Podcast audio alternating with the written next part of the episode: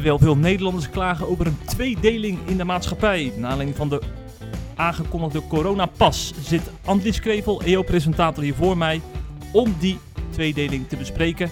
En met hem gaan we ook in op het overlijden van Jan Zelstra en de formatiedebakel in Den Haag.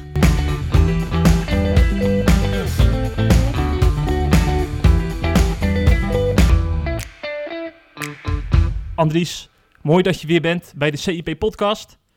Het is de derde keer, ik hou het allemaal goed bij. Ja, nee, toen je dat zei, toen dacht ik ook, ja, het klopt. Inderdaad, Ja, ja. De, der- de derde keer. De eerste Ja. keer was hier nog een mondkapjesplicht in het EO-gebouw. Die is afgeschaft inmiddels een tijdje geleden. Ja, maar het EO-gebouw heeft eh, vorige week een besmetting gehad. Dus eh, opeens moesten we zoveel mogelijk weer eh, thuiswerken. Oh, Eh, vandaar dat je ook heel weinig mensen in dit gebouw zag eh, lopen. oké. Eh, maar dat is inmiddels dan ook wel tien dagen geleden, denk ik, quarantaine. Dus ik denk dat het gebouw vanaf nu wel weer voller gaat lopen. Maar het is dus even, even weer minder geweest. ja, ja, ja. Waar te veel besmettingen had de GGD geconstateerd. Mhm. Ja. Ik heb het idee, want ze hebben nou die aankondiging van de anderhalve meter die eraf gaat naar buiten gebracht, hè? En dan- ik heb het idee dat het al lang is gebeurd. Want ik kom bij, bij eh, verjaardagen en bij eh, allerlei bijeenkomsten en denk ik van, ik zie nergens anderhalve meter. Jij Ik- wel? Nee, ik deel dat met je. Eh, Kijk, het is wel zo. Ik ben ook de afgelopen 14 dagen wel bij bijeenkomsten geweest. Dat je wel denkt: ehm, oh, op een gegeven moment, hé, hey, wacht eventjes, sta ik niet te dichtbij. Dus het zit nog wel ergens tussen je oren. Ehm, die awareness. Ehm, maar tegelijkertijd zie je dat anderen, en ook jezelf, eh, eigenlijk die anderhalve meter niet meer in acht nemen. Eh, afgelopen zondag was ik in een, eh, een vrij grote kerk waar weer wat meer mensen mochten. En dan zie je wel, we proberen het. Dus de goede wil, die is er wel. Het is ook geen anarchie wat er is. Maar ook omdat natuurlijk de cijfers ja, in zekere zin meevallen, ehm, ja, is die feitelijk eigenlijk al weg, Ja, die anderhalve meter. En als je naar de voetbalstadions kijkt, om maar eens wat te noemen, dan is die al, natuurlijk al helemaal weg. Of naar Zandvoort en nou, Mhm. de bekende voorbeelden. Ja, maar ik proef aan je toon dat je eh, het nog niet helemaal kan omarmen, dat oude normaal. Nou, in die, ja, nou, in die zin, eh, ja, ik omarm het ook omdat eh, ook ik degene ben die binnen anderhalve meter staat van mensen en dat dat ook zelf doe. Tegelijkertijd eh, denk ik dat deze eh, epidemie zo ernstig is, of dat corona zo'n ernstige ziekte is, ehm, dat je daar niet te lichtvaardig mee om moet gaan. En die lichtvaardigheid, die proef ik natuurlijk in de samenleving. En ik proef hem ook bij mezelf. Mhm. Ja, en, en af en toe denk ik, oh, wacht eventjes. Het is een, eh, het is een naar iets, corona. Ja. ja. Straks bespreken we de coronapas en dan gaan we hier nog uitgebreid op door. Mooi. Maar eerst onze rubriek, de ergernis van de week.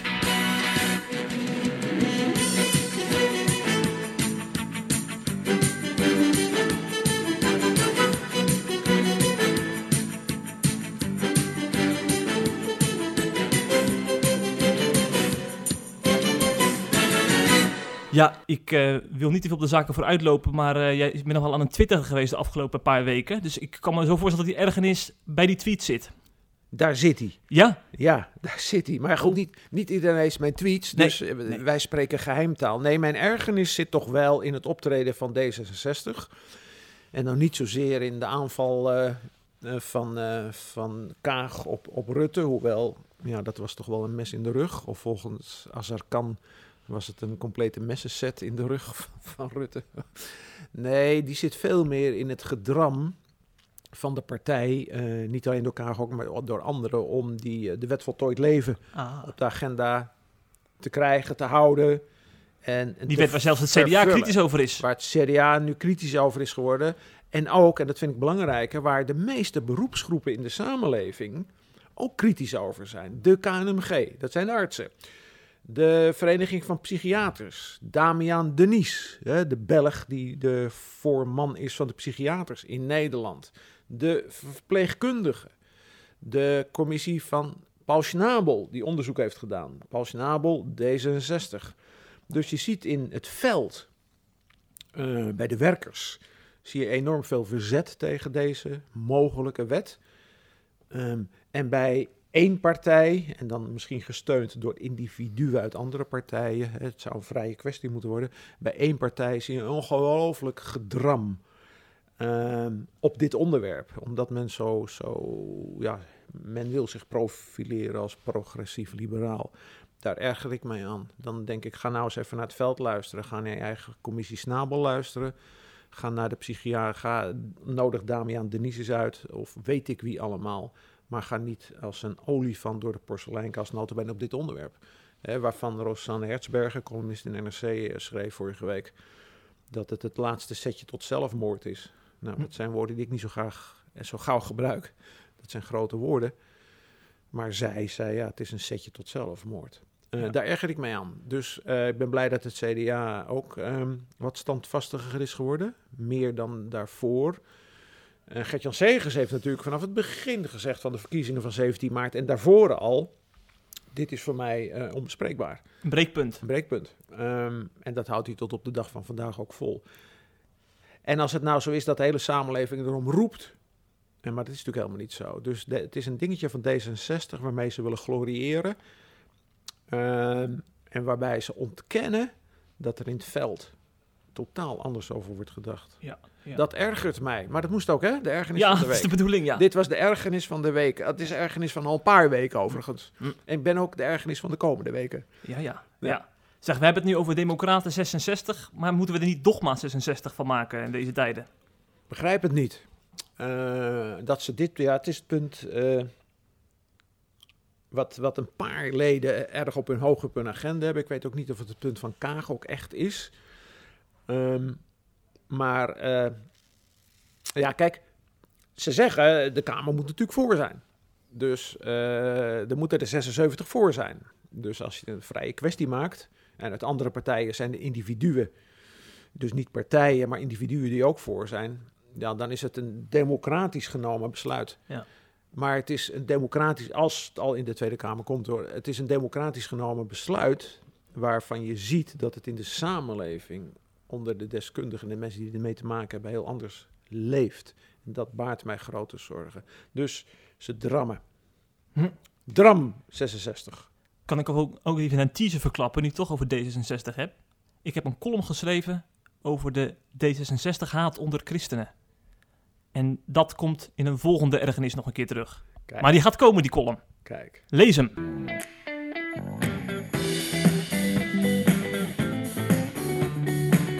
Het laatste nieuws uit christelijk Nederland bespreken we in de CIP-podcast.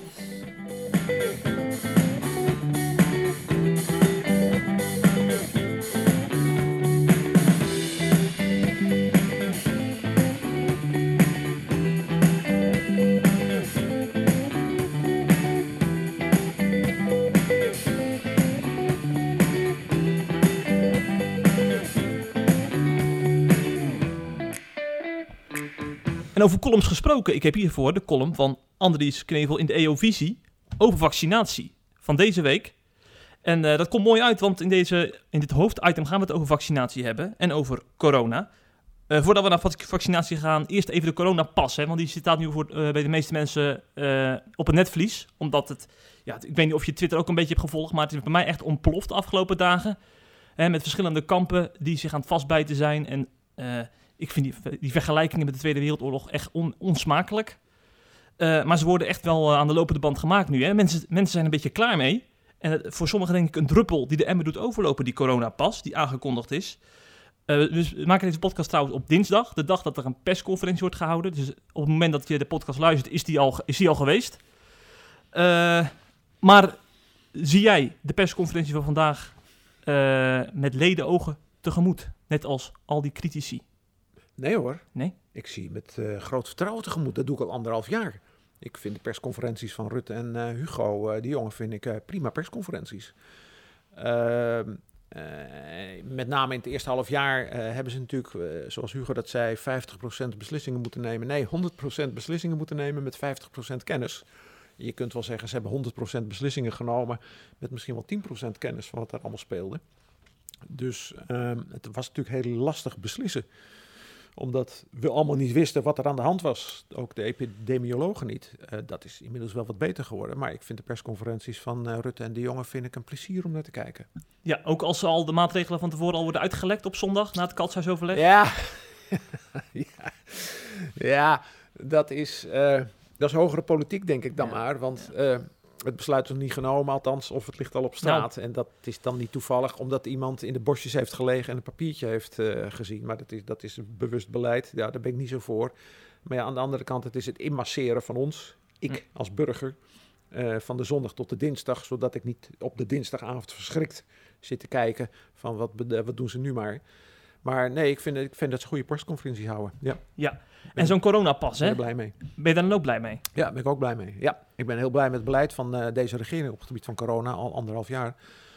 Ehm, ja, omdat, ehm, omdat een deel van de samenleving, een, een, een voor mij teleurstellend deel, dat heb ik ook in mijn column geschreven, eh, niet, niet gevaccineerd is.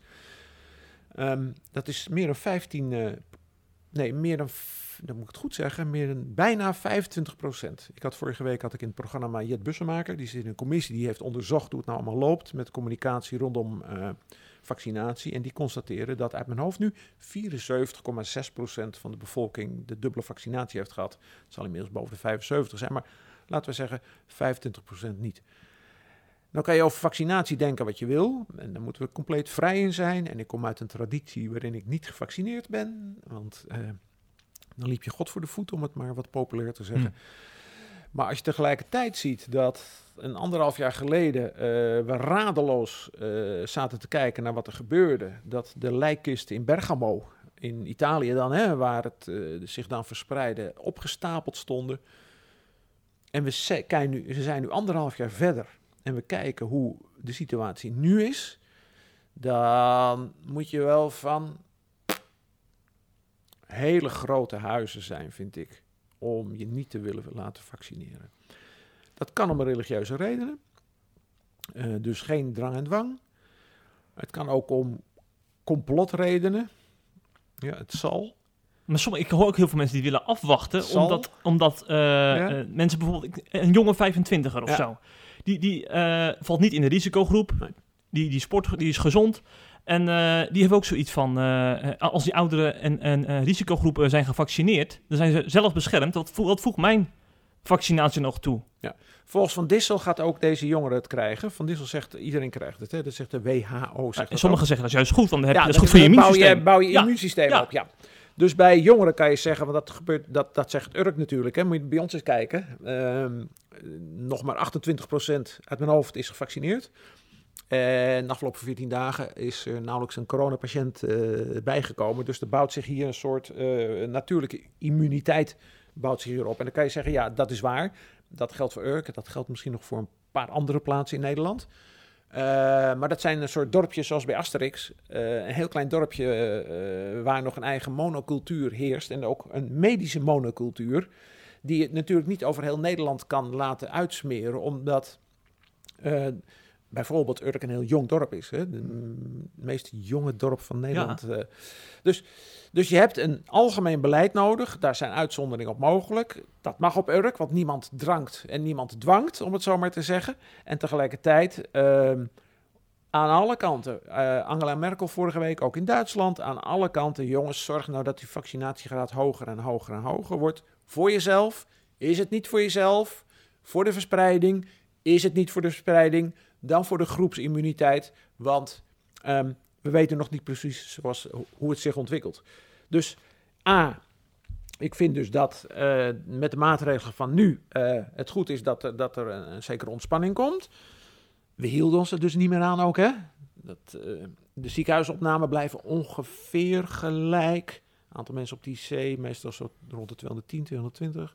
Maar tegelijkertijd dat er ook een pas komt voor plekken waar zoveel mensen zo dicht op elkaar zijn, waar het risico toch tot eh, nieuwe besmettingen groot is. En het virus is een naar virus. Ja, we moeten wel bij zeggen, in eerste instantie werd het nog in- ingeschaald in de A-categorie van het soort ebola. Ja. Dat is natuurlijk wel bijgesteld, hè? Ja. Zo erg is het niet meer. Nee, deze niet. Niet, zeg ik aarzelend, deze niet meer zo. Eh, maar voor hetzelfde geld, zegt Maria van der Kerkhoven, dat is die Belgische vrouw die veel die persconferenties doet, eh, komt, komt de volgende eraan. eraan. En laten we nou Volgende eens- golf. Ja, of, of het volgende virus, Ja. de volgende mutatie. Ja. Dus laten we nou maar zorgen dat we zo gewapend mogelijk zijn. Ja, dat vind ik ook. Ja, maar ik hoor toch ook heel veel mensen zeggen van, eh, die zien dan bijvoorbeeld die effectiviteit afnemen in Ja. Israël van, van, eh, Ja. na een half jaar. Zeggen we, dadelijk moeten we een derde, een vierde, een vijfde prik. Denk, waar houdt het dan op? Heeft er, en kun je dat dan gewoon niet bij de ouderen en kwetsbaren laten, zoals bij die griepprik, de jaarlijkse griepprik? Nee, dat zou op het moment dat, eh, dat corona een, een ziekte wordt die à la de griep. En, dan de Delta-varianten. Ja. Een griep wordt, of een, een virus wordt wat gewoon jaarlijks terugkomt. Dan denk ik dat we, of ze, de epidemiologen en de virologen in de gaten hebben hoe, hoe dat virus zich ontwikkelt. In de, door de seizoen heen. Wie er ziek van worden, wie er niet ziek van worden. Dan zit je in een fase dat die altijd bij ons is. Daar is een moeilijk woord voor, dat ben ik even kwijt. Ja. Ehm, maar zover zijn we nog niet. Hm. Eh, we zijn nog steeds aan het ontdekken, ze, ik ben niks aan het ontdekken, ze, ze zijn nog steeds aan het ontdekken hoe, hoe dit virus zich ontwikkelt, hoe het verder gaat, hoe het zometeen eh in de herfst zich gaat ontwikkelen, hoe het gaat, eh samen gaat of niet met de griep die eraan zit te komen. Want ehm, we hebben vorig jaar nauwelijks griep gehad. Eh, Ja. Dus de immuniteit voor de griep is afgenomen onder bepaalde groepen mensen. Dus dat als ik dat allemaal bij elkaar optel, eh, met de kennis die ik heb, en ik leun op anderen natuurlijk, want ik ben geen viroloog, dan zeg ik, het zijn goede maatregelen. Die vaccinatiegraad zou hoger moeten zijn, zegt Angela Merkel ook. Nou, dat is mijn held. Ehm, en het is goed dat op sommige plekken er een pas is om ervoor te zorgen dat we elkaar niet eh, aansteken. Zo Ja. bij elkaar opgeteld. Ja. De CIP-achterban staat niet te springen. En dan noem ik bijvoorbeeld evangelist Daniel van Deutenkom. Ik citeer hem even van Twitter. Ik weersta die walgelijke coronapas. Alsof autoritaire bewegingen zich niet zouden verhullen als iets nuttigs en betekenisvols voor de samenleving. Altijd werden er overtuigende redenen voor gedragen, maar dictators blijven altijd herkenbaar aan hun machtslust en controledwang. Een man die overigens ook bij de coronademonstratie was een paar weken geleden op de Dam. Een in charismatische kringen invloedrijke evangelist. Hebben het niet over zomaar iemand. Wat een onzin, hè? Eh, dat hij dus zegt, eh, doe die slot ze nog eens. Dat het gaat over... Maar eh, dictators blijven altijd herkenbaar aan een machtslust en controledwang. ja, die, ach, Ja, die, had, die laatste zin had hij achterwege moeten laten. Maar ach, alsof Rutte machtswellusteling is. ze willen ons niet onder controle houden. Nee, Nee? ik vind het allemaal... Nou, niet van deze meneer specifiek. Ik ken hem niet. Ja, ik, weet dat hij bestaat, maar ik heb hem nooit ontmoet. Hmm. Maar ik vind het algehele beeld dat er een soort... Hij, heeft, hij gebruikt het woord complot niet in dit citaat. Nee. Maar dat er een soort complot is van de WHO en de Wereldbank en de Bilderberg-conferentie... om een soort eh, wereldregering te vormen. En als je het ietsje minder groot maakt, alsof overheden eh, controle willen hebben over hun burgers. Ik vind het allemaal eh, onzin. Nou, oké, dan, dan de, de extreme variant Ja. even aan de kant. Maar dan hebben we een mildere variant die Ja. stelt... er is tweedeling gaande en ook niet-gevaccineerden hebben rechten. De grondrechten die, die staan nu op het spel. Die moeten we verdedigen. Nee, dat is ook niet. Ja, ja wat er, wat er wa- waar is, dat is de eerste helft van jouw zin. Namelijk dat er een tweedeling aan het ontstaan is. Dat zie ik nu ook. Ehm, nog altijd is de meerderheid van de Nederlandse bevolking voor vaccinatie en ook voor de coronapas trouwens. Maar dat percentage wat voor is, dat viel me een beetje tegen. Dat zat ergens tussen de 55 en 60 procent. Eh, en dat betekent dat er een vrij groot deel is van de samenleving wat tegen de coronapas is. En dat zijn dan niet alleen de niet-gevaccineerden, maar er zit ook een deel van de gevaccineerden zit, eh, zit daarbij. Ehm, tegelijkertijd ehm, denk ik dat er nauwelijks sprake is van eh, discriminatie of wat dan ook. Ehm, behalve als je vrijwillig naar een bepaalde plekken gaat, ehm, waarvan de regering zegt het is niet verstandig dat je daar op die plek bent als niet-gevaccineerde. Ik ben van de zomer ben ik op vakantie geweest in een paar Europese landen. Dan zat je op het terras. Nee, nee, dan ging je op een terras zitten. Althans, ik deed een poging. Oostenrijk. Moest ik mijn QR-code laten zien. Of ik moest mijn 06-nummer opgeven, zodat ik teruggebeld kon worden. Ehm, ik ging naar de winkel in Florence, Italië. Gewone winkel. Daar kwam ik niet in. Eerst mijn QR-code laten zien.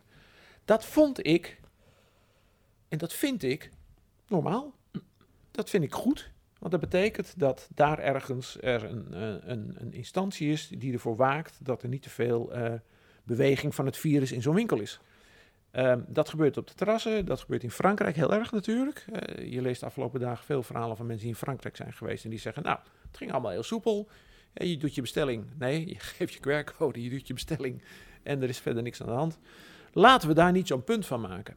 Eh, er is niemand die ons dwars wil zitten. Er is niemand die boos wil zijn op ons. Er is niemand die controledwang wil hebben. Er is niemand die een complot heeft. Er zijn alleen maar, in dit geval in Nederland, politici en deskundigen, virologen, die het beste met ons voor hebben. Soms doen ze misschien wel domme dingen achteraf. Ik ben ontzettend benieuwd naar die parlementaire enquête over een jaar of over twee jaar. Een van de Waarin- vele. Waarin alles onderzocht gaat worden wat er vanaf eind februari 2020 was dat. Ja, vanaf eind februari 2020, hè, toen de eerste eh, slachtoffer viel in Diemen.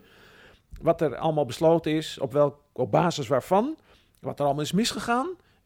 Buitengewoon benieuwd. Maar niet om schuldig aan te wijzen. Hm. Het is allemaal met de beste bedoelingen gegaan.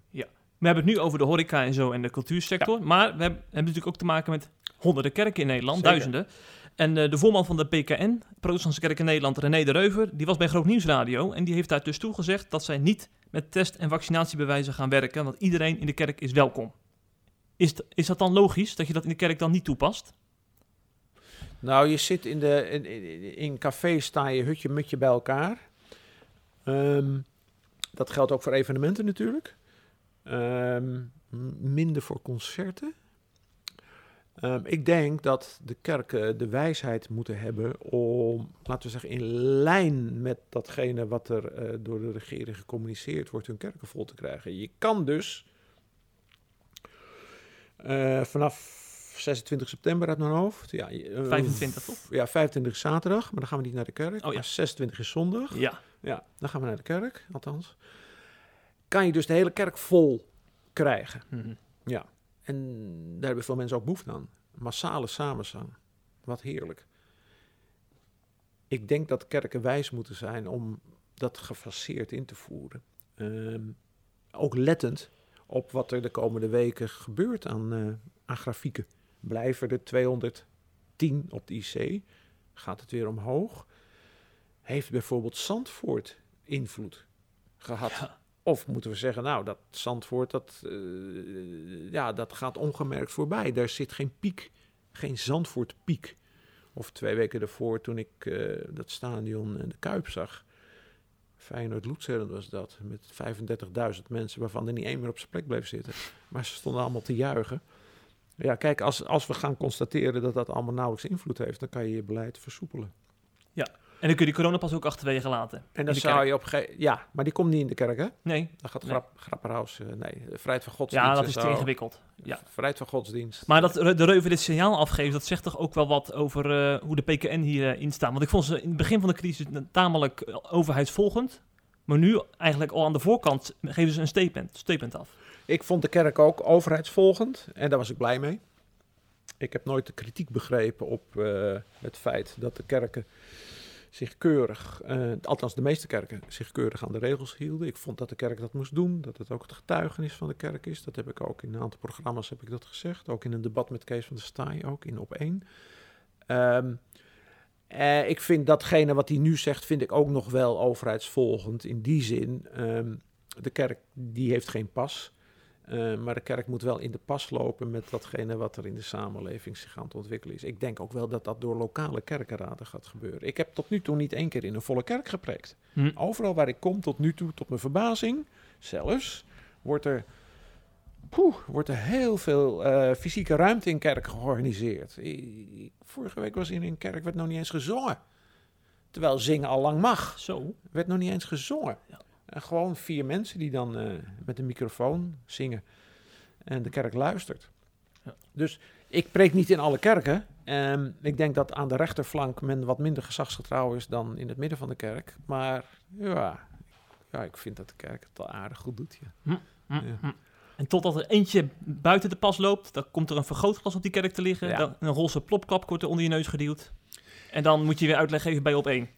En zo gaat dat vaak. Ja, maar ik denk dat het nu niet meer gebeurt. Want dan, kan je, dan kan je altijd wijzen naar Zandvoort. En dan kan je wijzen Ja. naar de Kuip. En dan kan je wijzen naar, noem als, En dan kan je wijzen naar eh, de demonstraties eh, tegen het woningtekort. En de demonstraties tegen weet ik wat. Ik denk dat die fase nu voorbij Ja, is. ja, ja, ja. Ja. Dat, dat je nu nog bij een kerk gaat kijken van hoeveel mensen gaan er naar de kerk. Die fase is voorbij. Meestal kun je geen bruggetje maken als er een triest item volgt, zoals een overlijdensbericht. Ja. Maar nu helaas wel, want Jan Zeltra is aan het gevolg van corona overleden. Is dat zo? Ja, ja. aan de, dat is stond in het persbericht van zijn stichting, Wings of Healings. Aan de gevolgen van het coronavirus is hij Ja, precies. Ja. overleden. Ja, je hebt gelijk, maar eh, er stond niet bij of hij wel of niet gevaccineerd was. Dat was even Ja, mijn, mijn misverstand, omdat het Nederlands Dagblad had gevraagd. Ja, ja, ja, ja, Ja. Nee, daar heb je gelijk in. Ja. Ja. Ja. Dus corona is wat we weten. En eh, nou, deze man, we hoeven hem eigenlijk niet eh, bij Christelijk Nederland te introduceren. Maar toch eventjes voor de goede orde. Hij bereikte honderdduizenden mensen in de afgelopen decennia met zijn genezingsdiensten vooral. Hè. Hij ging het hele land door. Eh, we kennen hem niet alleen van evangelieverspreiding, maar helaas ook van veel eh, minder positieve dingen. Er zijn wat kerkscheuringen geweest. Tot in de re- rechtszaal aan toe ging dat door. Hè dat eh, Zelstra zich daar flink om zich heen sloeg ook. Dus er zijn heel wat positieve en negatieve noten te kraken. Maar toch allereerst, Andries, ben ik benieuwd. Wat zijn jouw herinneringen aan Jan Zelstra?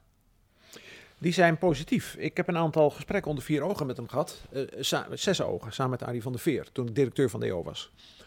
Toen is hij een paar keer hier geweest om te praten over het beleid van de EO. Ook over het beleid van de EO ten opzichte van de kerk in Leiden-dorp. Maar waarom, Eh, waarom was hij daar geïnteresseerd in dan? Omdat in de loop van de jaren negentig de EO, voor zover we daar eh, aandacht aan hebben, iedere keer hè, wat kritischer werd. Ehm, vragen hebben gesteld bij, eh, bij ontwikkelingen in Leiden-dorp. Dus hij is hier een paar keer geweest. En dat waren buitengewoon prettige gesprekken. Oh ja. Openhartig heet dat. Nee, broederlijk. Oké. Ja hoor, afsluitend met gebed. Ehm, en, en daarna heb ik Jan... Ik ben nooit in Leiden-dorp geweest. Ik ben nooit bij een genezingsdienst geweest. Ik heb wel in die gesprekken Leiden-dorp... Of in de gesprekken hier bij de EO heb ik Jan leren kennen als iemand die zei... En dat heeft hij ook in het openbaar gezegd vaak... dat het hem niet primair om genezingen ging. Het ging Jan om de verspreiding van het evangelie... om het bloed van Christus... om het maar op een formule te brengen... Ehm, en die genezingen, ja, ik wil niet zeggen dat kwam erbij, dat niet hoor, maar die genezingen kwamen voor hem ook op de tweede plaats. Hm. Het ging, hij wilde Jezus verkondigen. Ehm, en hij betreurde soms zelfs eh, dat hij bekend werd, Jan, als de Jan van de genezingen. Ja, hij vond het niet leuk als je hem gebedsgenezer noemde, ook, Nee, volgens mij. nee. Liever evangelist. Ja, precies. Hij was de, nou, je, je zegt het goed. Hij was de evangelist.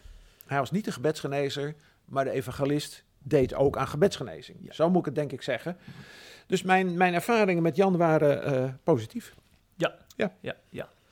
Ehm, wat ik dan opvallend vind, dat hij zelfs dus in de Telegraaf een, eh, een nieuwsberichtje eh, daaraan wijdt. Hè? En de NOS niet te vergeten, heb je nog geretweet. Ja, eh, de NOS zelfs teletextpagina 101. Zo. De grote nieuwspagina. Ja, ja. Ja, Bijzonder is dat, hè? Dat vond ik wel heel bijzonder, Jan. Ja. Want ik dacht, wie in Nederland weet nog wie Jan Zijlstra is? Ja, precies. Maar- Want de, de laatste jaren was hij al een beetje op de achtergrond aan werk. fors op de Ja, we hebben natuurlijk corona gehad, waardoor hij al anderhalf jaar natuurlijk niet meer kon functioneren in grote diensten. En de jaren daarvoor zat hij ook al wat meer op de achtergrond. Ja. ja.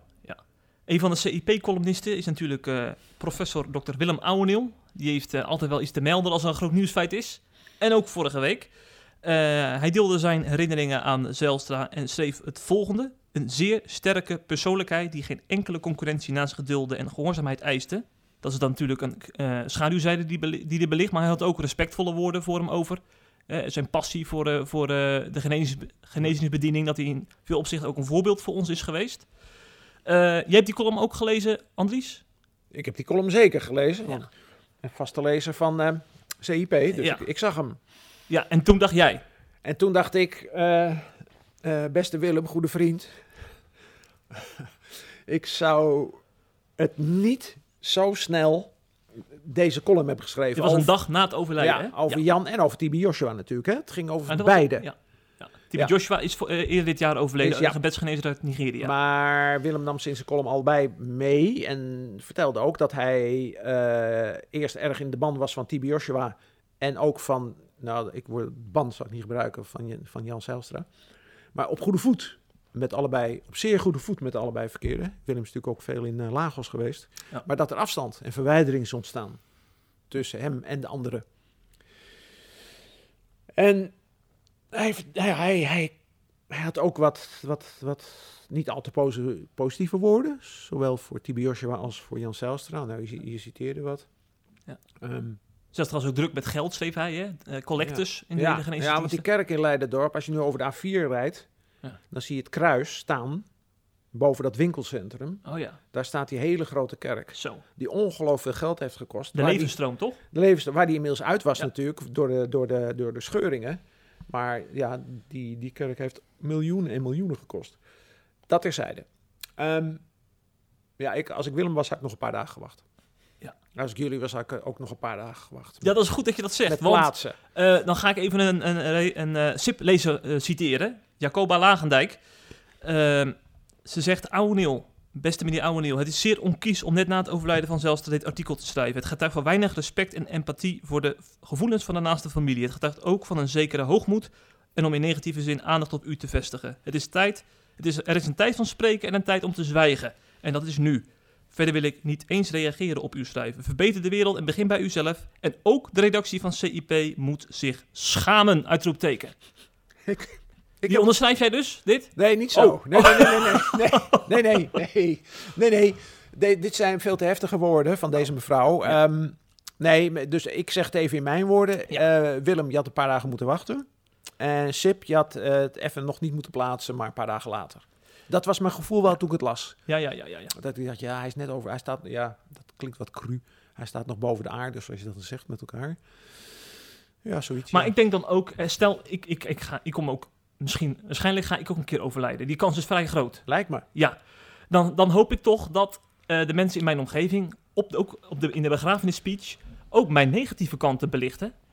Eh, om, om zo ook een eerlijk beeld te schetsen naar de buitenwereld van eh, die, die Jeffrey. Die, die had ook wel eens kantjes die voor verbetering vatbaar waren. Nee, ik hoop dat dat in de speech rond jouw overlijden ook gebeurt. Maar dat is dan in klein comité. Daar, eh, oh, eh, daar luisteren tientallen, misschien honderden mensen aan. Dat weet ik niet. In de dienst rondom jou. Eh, en daar een week later wordt er dan een soort terugblik geschreven. Eh, en dan, Dus er is zou- wat tijd overheen gegaan, bedoel je? dan is er even overheen gegaan. Ja. Hm. Ja, dus, maar dat in een begrafenisdienst niet alleen maar lof wordt. dat gebeurt ook niet, mm, voor zover ik weet, gebeurt dat niet? Nee. Worden ook wel de, de wat schurende puntjes genoemd. Maar dat is dan onder ons Ja. en niet publiek. Dus ik zou een paar, ik zou een paar dagen gewacht hebben. Ja. Laat ik het zo maar zeggen. Ja. Maar je weet hoe het gaat in de nieuwsjournalistiek, Andries. Dan wacht je misschien tot maandag. En dan is er de dag ervoor misschien een of andere ramp gebeurd. Is er weer een terreurgroep die je land heeft en overgenomen. ben je met je nieuws. En dan gaat zo'n column niet gelezen worden. Nee. Je wil ook dicht bij het nieuws blijven. Ja, Dan begrijp je dat? Ik begrijp het helemaal. Eh, wat moet ik er nu op zeggen? Ik begrijp het helemaal en ik zal me er zelf ook schuldig aan gemaakt hebben, aan deze wet. Oh, toch wel. Ja, hoewel ik me op dit moment even niks kan herinneren. Maar, Eh, dus ik begrijp het. Ik begrijp het van Willem, ik begrijp het van jullie.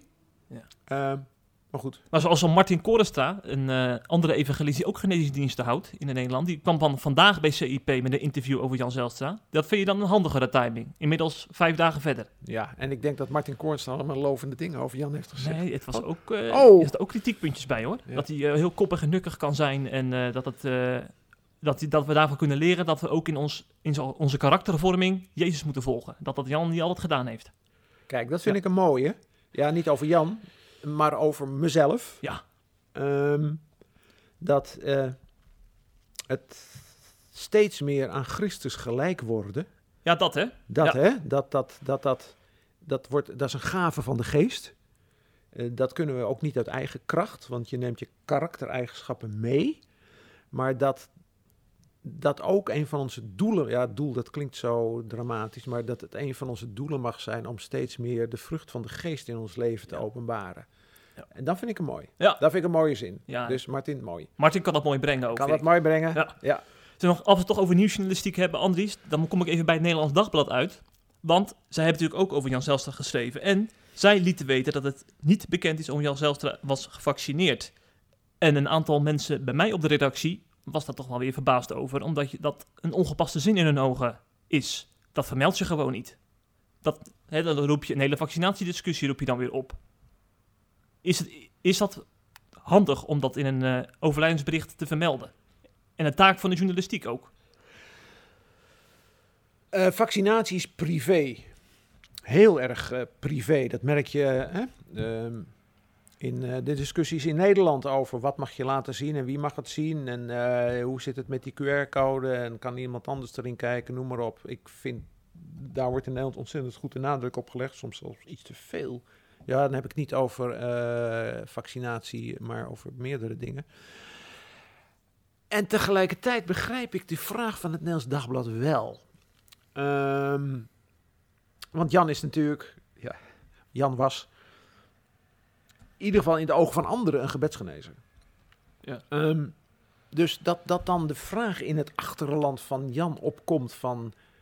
zou hij zich nou zelf hebben laten vaccineren als oude man, 82, met onderliggende ziektes. Hè? Een paar jaar geleden heeft hij een hartinfarct gehad. Uh, en misschien had hij wel meer, dat weet ik niet. Of wat zou zo iemand, wat zou zo'n geestelijk leider nou gedaan hebben rondom vaccinatie? Ja, dat die vraag bij de redactie van het Nederlands Dagblad is opgekomen, dat begrijp ik wel.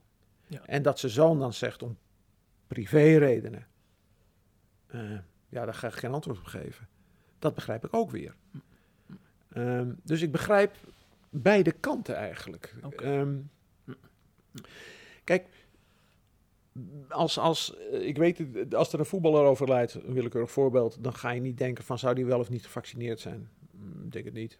Als een, toch maar eventjes, een gebedsgenezer overlijdt, die in de risicogroep zit, ja, dan denk ik dat, dat, ja, dat de achterban dan wil weten, zou hij het nou zelf wel of niet gedaan hebben. Ja, ja. ja met risicogroep bedoel je dat hij 82 uh, jaar 82 en onderliggende kwalen. Ja, ja, ja, ja. ja, Dus ik begrijp, dat, ik begrijp de vraag van het Nederlands Dagblad wel. En ik begrijp het antwoord van zijn zoon ook. Ja, ja, ja, sowieso een boeiende vraag of hè, als je als invloedrijk evangelist überhaupt je hierover moet uitlaten openbaar. Hè? Want er is natuurlijk een hele achterban achter die zo'n man ook volgt in dat soort opinies. Denk aan Jaap Dieleman, een eenpitter die, uh, die openlijk uh, de, het coronavaccin in twijfel trekt en zelfs een verband uh, legt met het merkteken van de antichrist.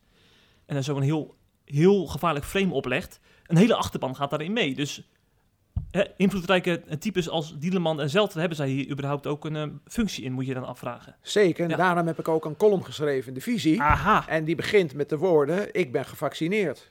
Juist. Ja, en dat heb ik ook heel bewust gedaan, ja. Want? Ik ben geen Jaap Dieleman. Je bent wel een heel corrivee natuurlijk. Maar ik ben, ik weet niet of ik invloedrijk ben, ja. maar ik ben nog wel een corrivee. Ja. ja. dus ik heb dat heel bewust ook opgeschreven, ja. Want ik vind dat meer mensen zich moeten laten, nou goed, dat, dat weten we inmiddels, hm.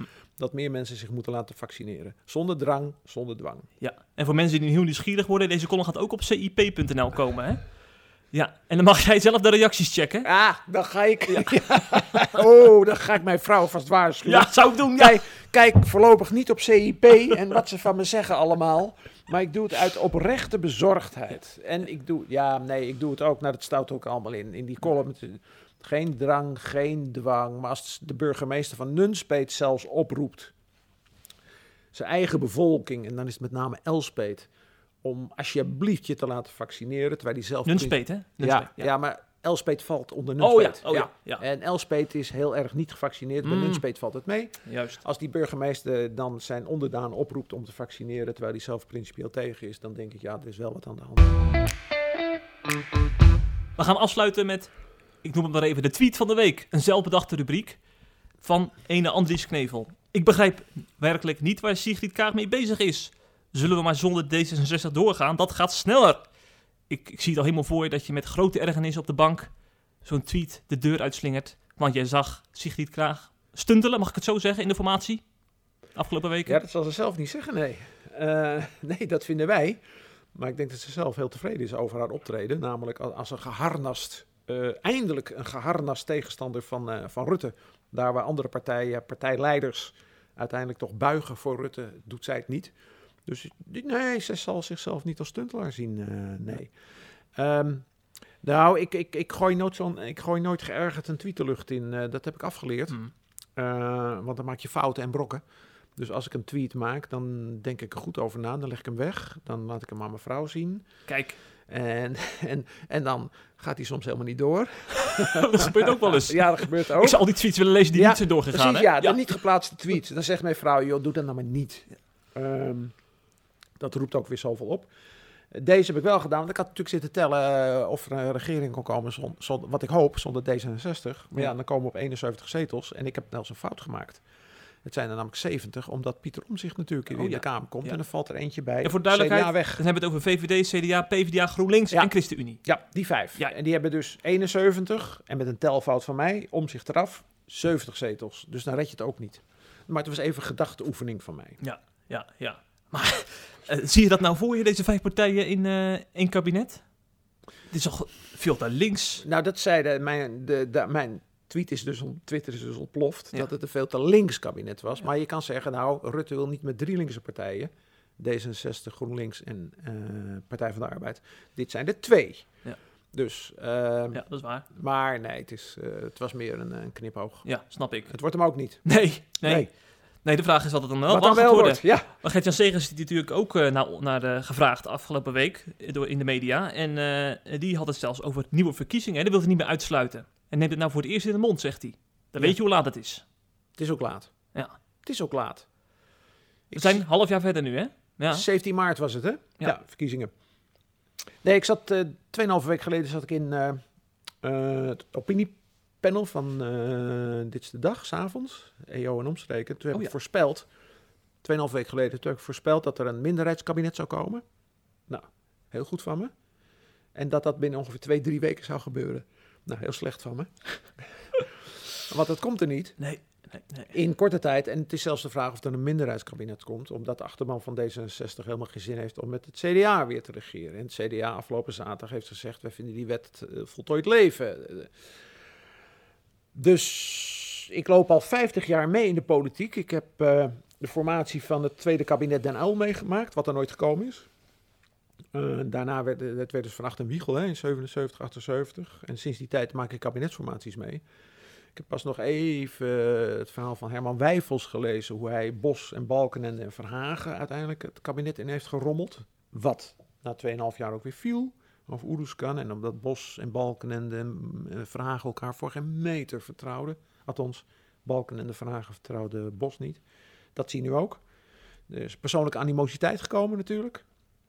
Ehm, als ik nu informateur was, ik hoop niet dat ze me bellen, maar er, is er, er zit er nog één en die, is nog, die doet het goed, dan zou ik het even niet weten. Nee, nee. Nieuwe verkiezingen, met alle respect voor Gert-Jan, eh, nee. Want bij nieuwe verkiezingen gaat Mark Rutte een monsteroverwinning behalen. En achter hem gaat het politieke landschap totaal verkruimelen. Eh, D66 gaat verliezen, CDA gaat verliezen, de Boerenpartij gaat omhoog, Volt gaat omhoog. Maar dat betekent dat er heel veel partijtjes komen met 8, 9, 10, 15 zetels, niet meer. En dat je dus een zeven partijen kabinet nodig hebt Ja, na de nieuwe verkiezingen. zo. Nou, begin er maar aan. Tenzij Pieter Omzicht een nieuwe beweging start en een partij opricht, dan gaat hij misschien wel Rutte inhalen. Ja, maar doet zal hij, niet, zeggen? ja, doet hij niet, hè? En Is, ik, is het al zeker dat hij dat niet gaat doen? ik heb de interviews tot nu toe, eh, begrijp ik dat hij het niet doet. Ehm, en ik vond zijn programma namelijk eh, woningtekort en een nieuwe politieke cultuur. Als twee hoofdpunten vond ik ook weer niet zo uitdagend dat ik dacht, nou, daar gaat half Nederland gaat opeens op Pieter Omtzigt stemmen. Oké. Nou, wat Cor Verkade, die ken jij ook. Eh, dat is een fan van de christelijke politiek. En hij ziet een gat tussen ChristenUnie en SGP. Van een christelijk-sociale partij die om zich dan kan aanvoeren. Want echt zo- eh, zo- zo'n soort partij ontbreekt volgens hem nog in, in, eh, in dat spectrum. Maar die zie jij niet. Ja, we hebben 19 partijen in de Kamer, hè? Nu, 19 als Pieter terug is. 19 partijen. Ehm, dat heb ik ook nog nooit meegemaakt in mijn hele politieke eh, carrière, althans op afstand. Eh, ik zie ook geen gat tussen. nee, Cor vindt de ChristenUnie veel te links natuurlijk. ja, Eh, ook, ik, ik, bedoel- ik bedoel trouwens ehm, sociaal-conservatief. ja, Dat bedoel ik. Ik Ja. zei christelijk-sociaal. nee, ja. precies. ja. Hij vindt de ChristenUnie te links. En de SGP vindt hij wel goed, maar iets te weinig eh, eh, uitdagend voor een, een, een deel van de bevolking. En vroeger zat het CDA een beetje in die sociaal-conservatieve hoek, maar die zijn aan het zoeken wie ze zijn. Pieter Omzicht is in bepaalde opzichten sociaal-conservatief. Eh, Hij heeft altijd meegestemd in de Kamer met, eh, laat ik zeggen, de wat conservatievere opvattingen, moties, amendementen. Eh, hij is geen, dat denken sommige mensen, dat hij een soort GroenLinkser is, maar dat is hij helemaal niet. Nee, nee, nee, op, op een aantal dossiers is hij dat niet. Ja, want er zijn dus christenen die zich niet thuis voelen bij de CU en niet bij de SGP. Dus die kunnen dan bij Pieter om zich uitkomen, zou je zeggen. Ja, Dat gaat niet gebeuren. En dat gat is te klein. Ah, ja. Er zit een veel te klein gat tussen ChristenUnie en SGP. Dus Ja. als je daar ook nog een partij moet op gaan richten tussen, tussen de ChristenUnie en SGP, of daar Pieter Omtzigt gaat neerzetten, of je zegt de CDA zou ietsje linkser moeten, maar niet te links. Dus laat er ook nog maar eens een linkse partij van het CDA ontstaan tussen Partij van de Arbeid, GroenLinks en CDA. Ja, dan zijn we met z'n allen ver heen. Oh, oh. Ja, zijn we ver heen. Ja. Er moet een sterk midden komen. Ik pleit al jaren eh, in mijn columns, met name voor het Katholiek Nieuwsblad, voor het radicale midden. Daar heeft Aartjan de Geus, ooit minister van Sociale Zaken voor het CDA, een prachtig rapport over geschreven. Ja, die rapporten, die rapporten. Een mooi rapport over het radicale midden. En ik denk dat we, eh, ja, een land heeft een radicaal midden nodig. Ja, en, en een paar flanken om te corrigeren. Maar die flanken moeten niet te groot worden. Maar als dat zo doorgaat, hebben we alleen nog maar flanken. En de VVD natuurlijk. De. VVD blijft groot. Tenzij Rutte weggaat. Want er is geen opvolger voor Rutte. Die Ja. kan niet, hij kan niet weg. Mhm. Want wie moet hem opvolgen? Er is niemand. Foutje van de VVD trouwens, maar dat terzijde. Ja. Ze zoeken het maar uit. Nou, een paar keer per jaar maken wij een eh, podcast met Andries Knevel. En ik hoop toch wel dat die volgende keer, als ik jou dan weer zie voor de microfoon, dat we dan wel een kabinet hebben. Want anders weten we, dan weten we zeker dat het uit de hand is gelopen. Hè? Als het tegen die tijd nog niet gebeurd is. Dat moet je even tegen mij vertellen wanneer jij Deo Volente me weer opzoekt. Dan ga ik zeggen of er dan een nieuw kabinet is. Nou, ik, ik ga uit van tussen de, ergens tussen de vier en de zes maanden ergens weer. Dan is er een nieuw kabinet. Oké, nou, dan gaan we daarvan uit. Doe maar. Helemaal goed. Hey Andries, bedankt voor je bijdrage. Met vreugde. We gaan je column lezen. En tegen de luisteraars zou ik willen zeggen, wees er de volgende keer weer bij met een nieuwe podcast. En dan zit tegenover mij Otto Grevink. Ken je die? De dominee. Dominee, ja. Zeker. Ja, PKN dominee. Dat ken ik. Als het goed is, schuift hij volgende week aan. Oh, dat wordt leuk. Wordt zeker leuk. Tot dan!